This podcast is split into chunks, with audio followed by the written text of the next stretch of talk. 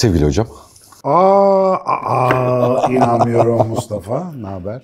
Sevgili Sinan Canan. Nasılsınız efendim? İyiyiz Allah şükür. Sen nasılsın? Gayet gayet iyiyim. Teşekkür ederim. Bugün elimde benim benim sevdiğim tonda bir konu var. Ee, üzerine azıcık sohbet etmek istediğim. Hem Şimdi deyince.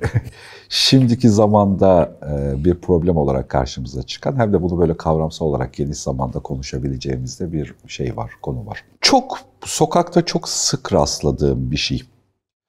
Seninle zamanında konuşmuştuk. E, psikolojik rahatsızlıklar, fizyolojik rahatsızlıklar var.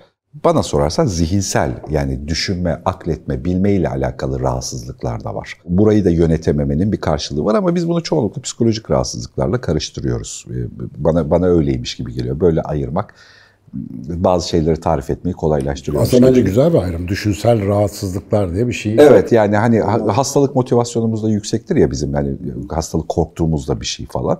Bazı konuların aslında bildiğimiz bilgileri korele edememekten yani koordinasyonu kullanamamaktan kaynaklandığını ya da bazı bazı yaşadığımız sorunları bazı bilgi eksiklikleri ya da yanlış bilgi istiflemelerinden kaynaklandığını sonra da bunun duygusal anlamda başka problemlere dönüştüğünü hatta bunun bedensel yansımaları olduğunu aslında fiziken de görüyoruz ya da yaşıyoruz. Bu sorunlardan bir tanesinin şu mükemmeliyetle ilgili olduğunu düşünüyorum. Bülent bunu Anlamalar kitabında şu mutlak bilgiye ulaşma çabasıyla çok da güzel hani işin içerisinde tarif etmiş. Bu arada yeri gelmişken bugünkü programımızın bence sponsoru sevgili Bülent olmuş olsun. Şu Anlamalar kitabını arkadaşlar okuyun gerçekten hayat değiştiriyor. Yani hakikaten çok çok güzel bir iş oldu ya. Aa, Yani bir biz burada hiç inanmadığımız ya da kolpadan bir şeyi zaten konuşmadık ya da desteklemedik. Yani hep beğendiğimiz bir şey söyledik ama e, şu anlamalar kitabı gerçekten kritik anlamda e, etki oluşturabilecek içeriklerden bir Yani tanesi ben oldu. özellikle 1-2 yıl içerisinde o kitabın virüs gibi yayılacağını düşünüyorum. Evet. Yani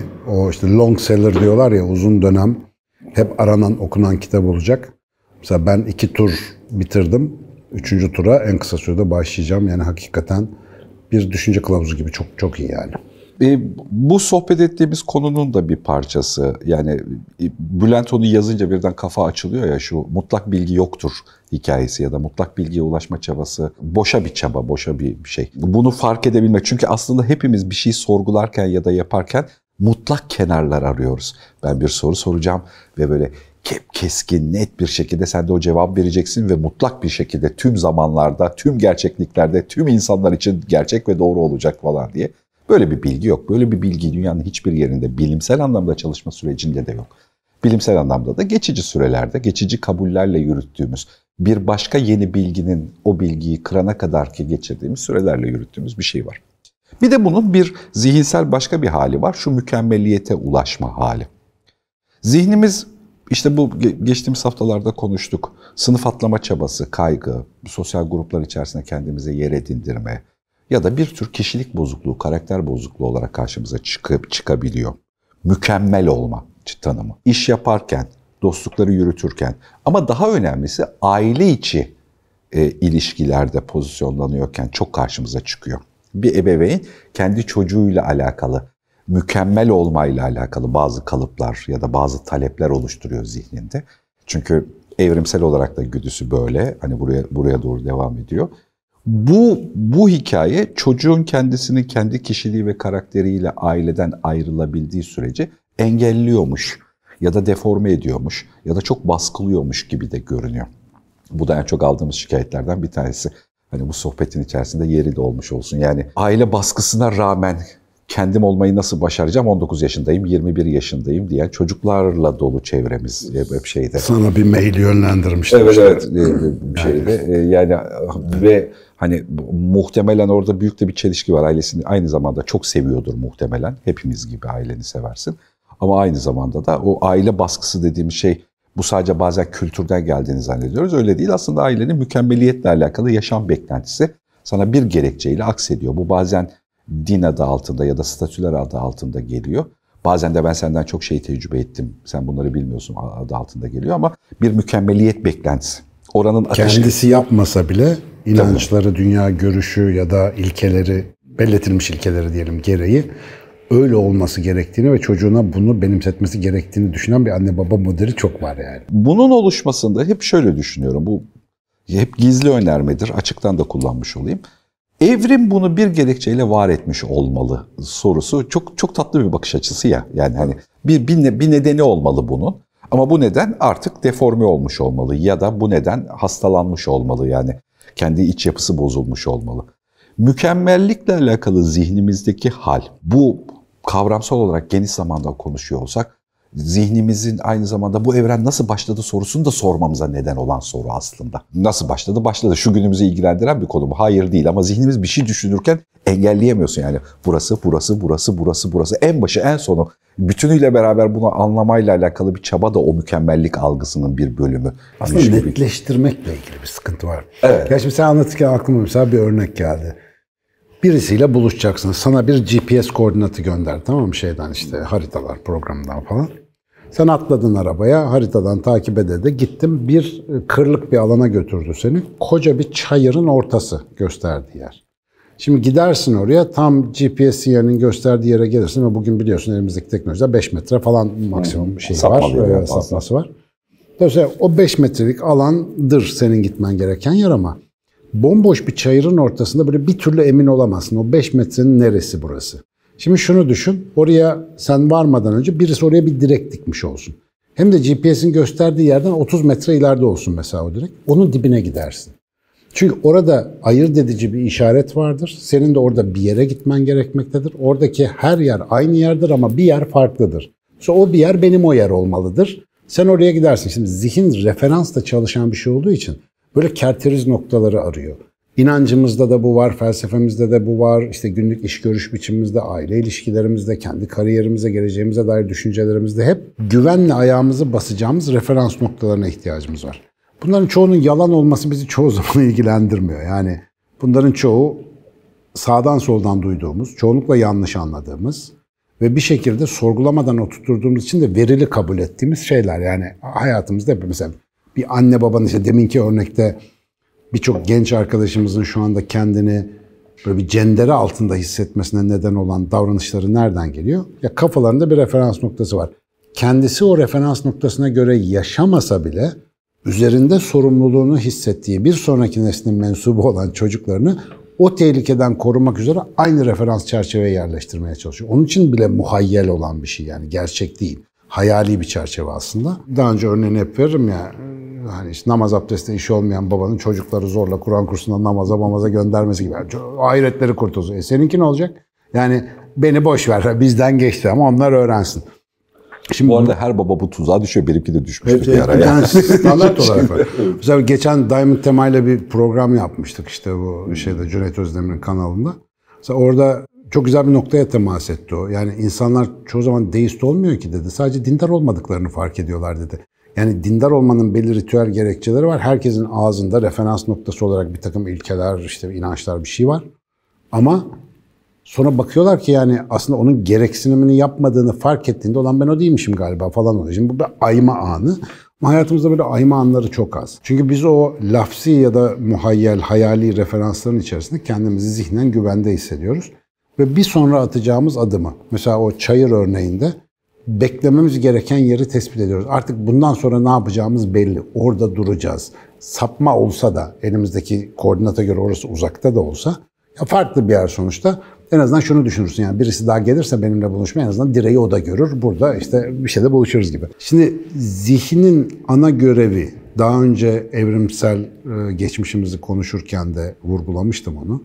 Dünyayı olduğu gibi algılamak değil buradaki deneyimlerden bir model inşa etmek ve o modelin içinde yaşamak. Yani bizim aslında en büyük bilgelik başlangıcımız şu. Biz bir dünyanın içinde yaşamıyoruz. Biz kendi zihnimizin içinde yaşıyoruz. Ve bizim zihnimiz bizim etrafımızdaki dünyayı oluşturan şey. E dolayısıyla burada ne oluyorsa onunla alakalı bir şey. O zihnin işleyişiyle alakalı. Şimdi bir de bunu adına mükemmeliyetçilik dediğimiz bir kavramla birleştirirsen kafada bir şey diyor ki böyle olmalı. Öyle olmazsa hiç olmamalı. Ölsün daha iyi. Hep böyle olmalı. Niye öyle olmalı sorgulaması hiç yok. O nedir? Bir kere mesela mükemmel kelimesinde de çok ciddi bir sorun var. Yani köken ve anlam olarak. Tekamül gelişmek demek. Bu dünyada her şey tekamül eder. Her şey değişir, gelişir, dönüşür. Mükemmel Mesela olmuş elmadır. mükemmel gelişmişliğin son noktası demektir. Elmanın gidişatını düşün. Elma en kırmızı olgun haline geldikten sonra ne oluyor? Toplanıp yenmezse çürümeye başlıyor. Düşüyor toplaya ve çürüyor çünkü işi o, e, tohum olacak. Mükemmellik aslında çürümenin bir önceki aşaması. Ya ne istediğimizi de bilmiyoruz biz. Ve kafamızdaki model genellikle bize tam ve mükemmel geliyor. Halbuki bu dünyada mükemmel hiçbir şeyin olmadığını bir zamanda bize öğretseydi, e, mükemmellik diye bir şeyin sonsuzluk gibi bu evrenin mantıksal sınırlar içinde olmadığını anlardık. Öyle olunca da ne oluyor? Keyfine bakacaksın yani. şeyle ortak küme yapıyormuş gibi görünüyor. Belki o biraz bizi yanıltabilir. Daha iyisini istemeyle mükemmellik tabii. birbiriyle Çok başka fazla. evrenler. Ama sohbet ederken ya da içerik oluştururken bunlar sanki çok ortak kümeymiş gibi oluyor. Aslında ortak küme değiller. Biri zihinsel anlamda bir durum, birisi fiili işleve ait ya da bir sürece ait bir durum. Bu başka motivasyonlardan hareket ediyor. Mesela daha iyisini isteme, daha yaratıcı motivasyonlarla hareket ediyor. İşte daha merak, daha aktivist harekete dayalı şeyleri var. Gelişime dayalı bir şey. Bu var. Mükemmellikse tekilleştirmeye dayalı. Yani mesela mükemmellikle alakalı masada birinin mükemmelliyetçi bir zihin kullandığını anladığında şeyi fark ediyorsun. E, hızlı bir şekilde konuşmanın kendisini sabit bir şekilde tekile indirgiyor. Bir yere geliyor ve mesela olur ya da olmaza bağlanıyor konu. Tabii. Yani hani olacaksa böyle olur, olmazsa olmaza bağlanıyor. Halbuki hani beraber hep konuşuyoruz. Yani sohbetin kendisi dişi değilse, yani e, çok çeşitli unsurlara göndermeler yapmıyorsa bu iyi bir sohbet olmuyor. Yani sohbetin kendisi ancak çoklu şeyi düşünmene sebep oluyorsa ya konuyu Dişi sohbet mesela, dişi sohbet nasıl ortaya çıkabiliyor? Belirsizliklere ihtiyacımız var. Belirsizlik olduğu zaman keşif alanı oluşur. Müphemlik eski tabirle. Biz mesela o mükemmelliyetçi dediğimiz algıda müphem alan bırakmamak üzere zihnin belli bir konuyu ya da yöntemi çerçeve içine aldığı durum söz konusu. Böyle olunca da artık zaten fikir geliştirme, yaratıcı düşünce, yeni bir imkan bulma falan bunlar mümkün olmuyor zaten. Evet, evet. O kişi ya da kişilere zihinsel güvenlik sağlıyormuş illüzyonu verse de aslında hayatın keşfinin önündeki bir mantar tıkaca dönüşüyor yani. Bizzat seni kitliyor. Mesela o, ben burada bu çayır örneğini niyeyse çok sevdim. Çayıra gittin, GPS'te düşünce. Düşünceli olarak isimlendirelim onu. Tabii tabii. GPS'te, GPS'te çayıra gitme. Türk ismi gibi oldu. Diyelim ki 5 metrelik bir daire içerisinde bir belirsizliğin var orada. Şimdi işte orada bir sopa olması sana nasıl belirsizlik ve sahte bir güven sağlıyor? Onun olmadığı durumu düşün. Aslında 5 metrelik bir dairede hatta daha büyük bir dairede o 5 metrelik daireyi görebildiğin yerlerin de dahil olduğu büyük bir alanda keşfetme hürriyetin ortaya çıkıyor. Yani e, talimattaki belirsizlik ya da sonuçtaki belirsizlik sana bir izleme ve keşif imkanı sağlıyor. Şimdi birçok gencin hayatını planlarken ailesinden falan, ailesinin onlardan görmek istediği şey tıp okuyacağım, fede fede uzmanı olacağım, ondan sonra gideceğim, şurada şöyle çalışacağım gibi bir plan. Daha çocuk bu listede karar versin, ondan sonra da bizim canımızı sıkmasın, sürekli çalışsın, dersine in falan. Ya böyle bir hayat yok.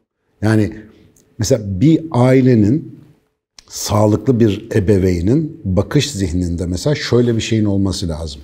Benim çocuğum şu anda bir şey yapmak için çok kararlı gözüküyor olabilir. Ama orada gittiğinde sıkılabilir, başka bir şey karşısına çıkabilir, hayatı değişebilir ve bu olursa süper olur. Çünkü ondan başka bir imkan daha çıkar.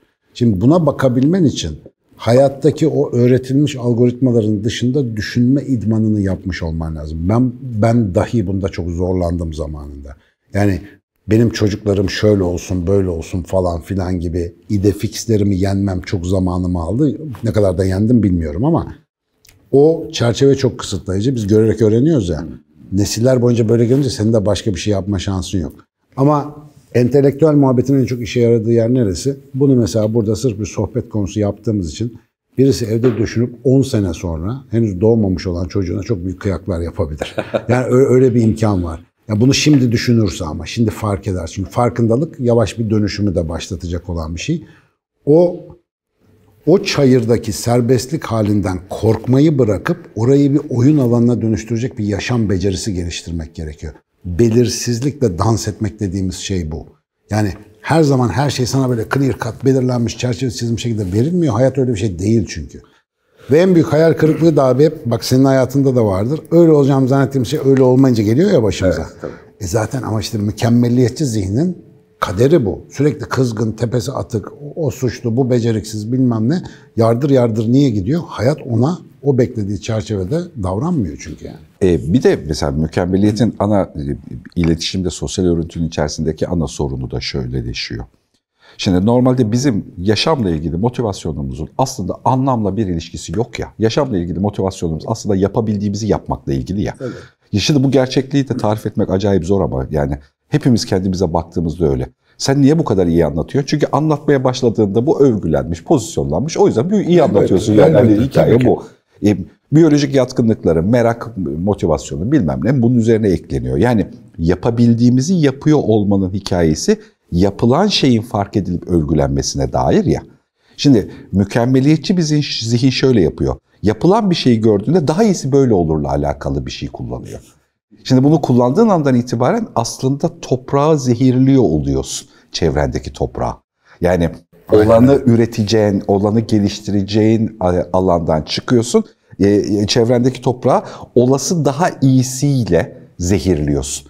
E, bu bir motive edici davranışa dönüşmüyor karşı tarafta Mükemmel iyinin düşmanıdır diye o yüzden diyorlar. işte. diyorlar e, şeyde ve bu mükemmeliyet zihninin kendisinin bu güdüklüğü topluma çok da yansıyabiliyor.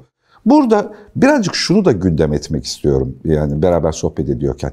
Azıcık tarifini de yapmış olduk. Hani işlevdeki karşılığını da gördük de bu, bu sokakta sık rastlıyorum bunu artık. Ya da belki ben bunu ayırt etmeye başladım. Yani ayırt ettiğim için de çok insanda. Kendim de önce yani kendi bakış açımda da. Bu niye oluyor?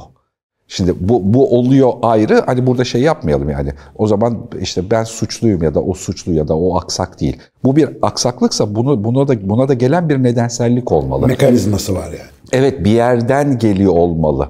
E, o yüzden gerçekten kültürel evrimde ya da gerçekten biyolojik evrimde mükemmellikle alakalı zihin ne zaman işlevseldi, ne zaman doz aşımına giriyor ayırt etmek istiyor zihnim e, bir İşte şeydi. insanın fabrika ayarları bak.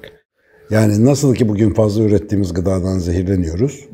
Biz tabiatta niye böyle bir ekipmanla kuşatıldık? Yani niye belirlilik ihtiyacımız var? Tabiatın ne zaman ne yapacağı belli olmuyor. Ama sen bir mağarayı, bir ağaç kovunu bilmem ne yuva yaparsan, oranın kapısına bir kapı koyarsan, giriş çıkışı kontrol etmeye başlarsan yani yaşadığın ortamı besin depon açısından, aile bireylerin tanıdığın klanındaki arkadaşların sana sağladığı güvenlik açısından falan öngörülebilir bir hale getirdiğin zaman kendi daha güvende hissediyorsun ve yaşamın kolaylaşıyor. Bu hayatta kalmayı destekleyen bir kısım. Şimdi bu hayatta kalmayı destekleyen kısım seçildiği için çoğalıyor, artıyor. Etkisi ve şiddeti artıyor. Biz de gittikçe daha çok kesinlik, daha çok düzen, daha çok sistem arayan canlılara dönüşüyoruz. Milyonlarca yıl içerisinde belki. Ama sonra bu müthiş bir zeka ile birleşiyor. Bu zeka bugün gördüğümüz medeniyete kadar gelen inovasyonların hepsini başlıyor biriktirmeye. Ve bir süre sonra içinde yaşadığın kurallar senin dünyaya bakışını şekillendirmeye başlıyor. Çocuklarına verdiğin eğitim onların zihnini böyle şekillendiriyor. Her şey minimum belirsizlik, maksimum algoritma. Türk'üm, doğruyum, çalışkanım, yasam. Bizim dışımızdaki herkes düşman. Öyle, öyle, bilmem ne tak tak tak tak. E diyorsun işte dünya bundan ibaret. Mesela Türk'ün Türk'ten başka dostu yoktur daha önce dedik ya Danimarka'ya gidene kadar doğru zannedebileceğim bir şey. Oraya gittiğin zaman dışarıdan baktığında ha o algoritmanın ne kadar dünyayla uyumsuz olduğunu fark edebiliyorsun. Ama evrimsel seçeneklerimiz arasında şimdiye kadar hayatta kalmamızı çok ciddi kolaylaştıran bir şeyin bugünkü fazlalığından muzdaribiz. Ve bunu artık şeyi de düşün onu sık muhabbetini yaptık. Mesela ifanın en önemli şeyi ayarlar değişmiyor ya milyonlarca yıldır. Bizim hala yokluktan ödümüz kopuyor. Hala işte ölümden, hastalıktan, mikroptan, pislikten, e, işte düşmanlıktan ödümüz kopuyor hala. Ne kadar güvenlikli sitelerde yaşarsak yaşayalım e, paranoyaklığımız tavan yaptı biliyorsun. Yani çocukları kapalı sitelerin içerisine salamaz olduk. Bunlar niye? İşte bu zekayla değişmeyen ayarlar yan yana geldikçe insanın doymayan arzuları güvenlik arzusunun da doymadığı yerini gösteriyor bize. Bu, burayla alakalı ne oldu devamını unutma. Bir şey eklemek istiyorum. Yeni fark ettiğim şeylerden bir tanesi. Kendi çocuğunun ölebileceğinin riskini almadığı sürece öğrenemeyeceği şeyler olduğunu fark etmek gerekiyor. Ya ya. Ama kendi çocuğumuz ölemez bu dünyada artık. Tabii. Yani kendi çocuğumuzun ölmesinin kederine, durumuna katlanamayacağımız bir dünyada olduğumuz için o riski kapatıp o çocuğun o riski almadığı için öğrenemeyeceği şeyleri de kapatıyoruz. Bu çok tuhaf bir durum. Yani bunu fark ettiğimde tüylerim diken diken olmuştu gerçekten. Bir eğitmen arkadaşım işte o da benim gibi geç motosiklet sevdalılarından bir tanesi. Şimdi oğluna motosiklet alıyormuş. Benim etrafımdaki herkes onu duyunca dehşete düşüyor mesela. Şimdi zaten beni ilk görüyorsun Sinan Hoca bak başında çocuk falan. ya bir baba çocuğuna nasıl böyle bir şey yapar gibi ama mesela hani o arkadaşım da bayağı kendisi de eğitmen olduğu için zaten yani psikopat gibi motosiklet eğitimleri aldı. Benim gibi değil öyle kara düzen bilmiyor. Artı çocuğuna da çok sıkı bir eğitim, yani ciddi ciddi bir planını yapmış. Ama risk olmadan sınırları aşmak, ürün yerleştirdim hemen, mümkün olmadığı için o riski almadan, işte risk de abi ne? Zaten müphemlik demek. Yani her şeyin ucunda ölüm var be abi. Çünkü fıstık yerken küt diye boğazına gitti, gitti yani. Her şey olabilir. Öyle bir hayatın içerisinde her bir anı keşif fırsatı yapmak aslında o riski bir dans ritmine dönüştüren bir zihniyetle mümkün. Risk her zaman olacak. Kayıplar her zaman olacak. Hesapsızlıklar her zaman olacak.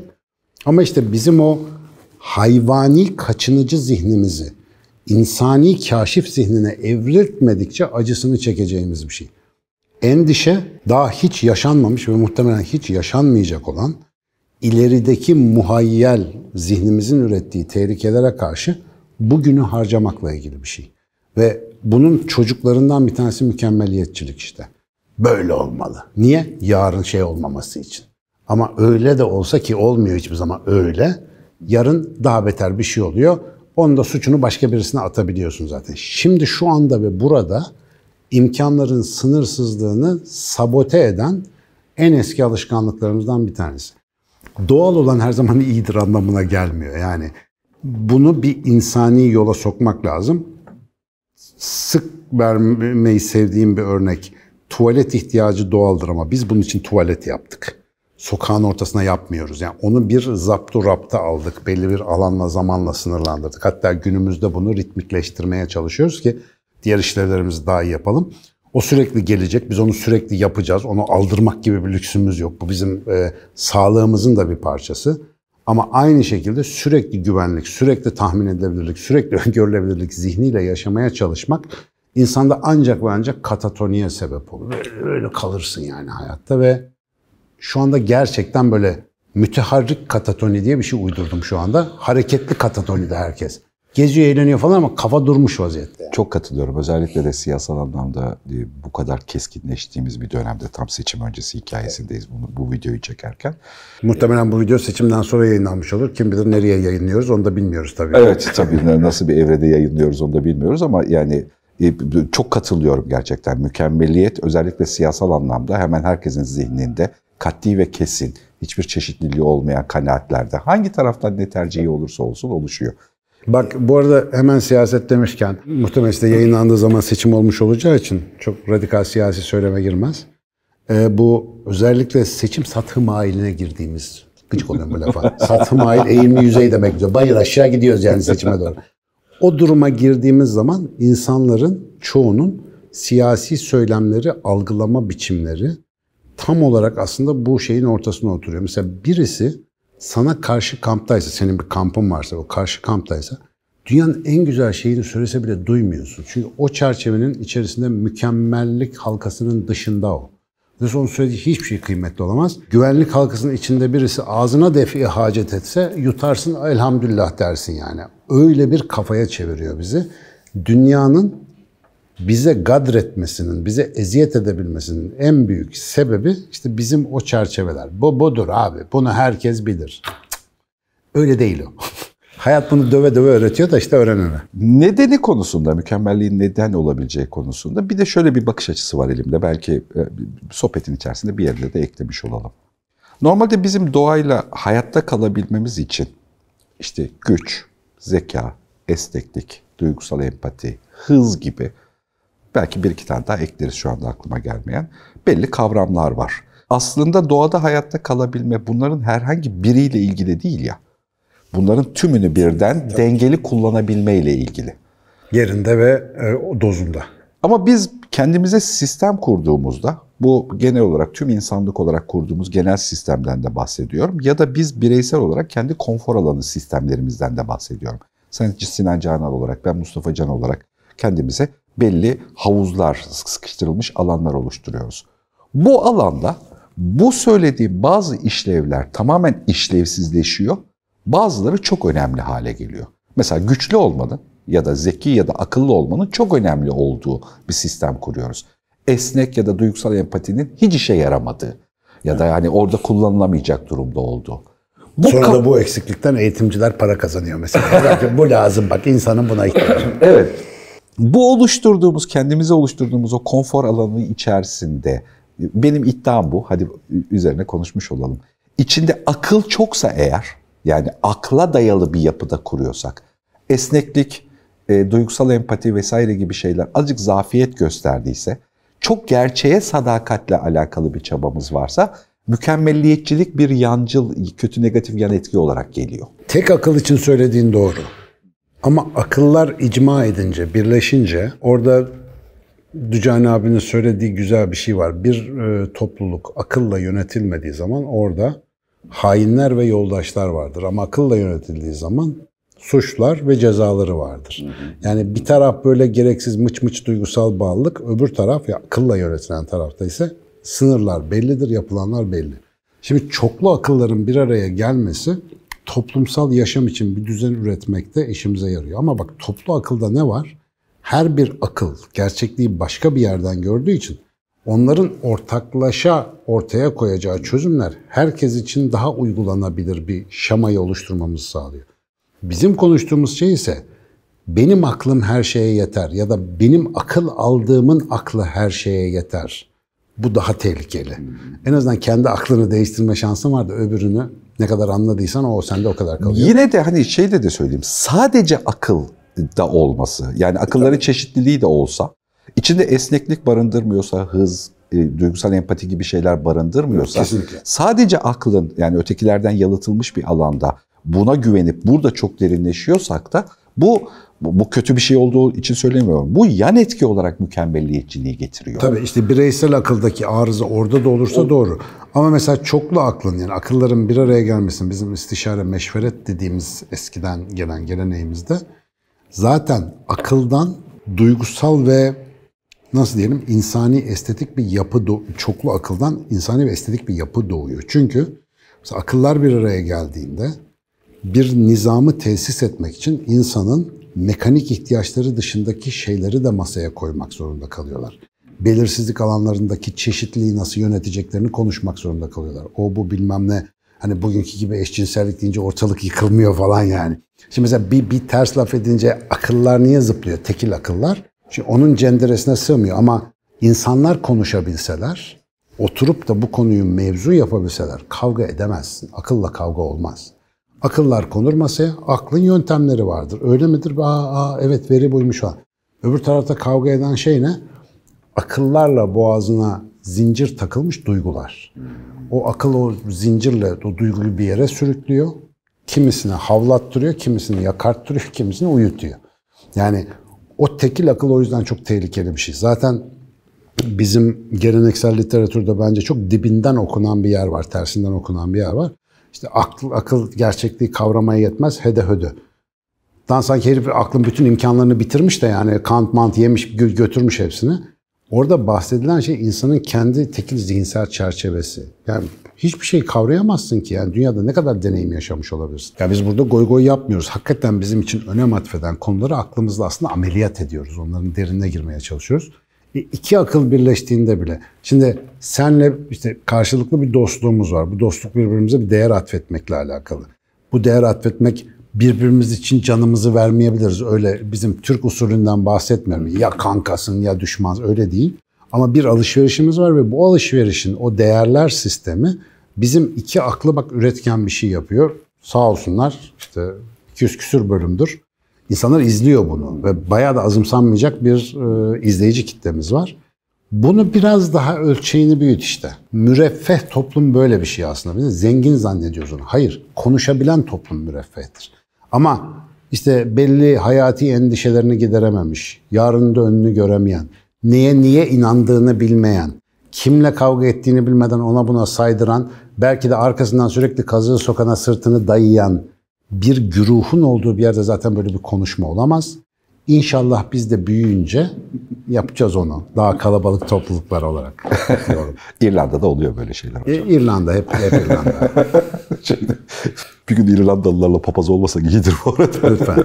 Yo. Hocam çok teşekkür ederim.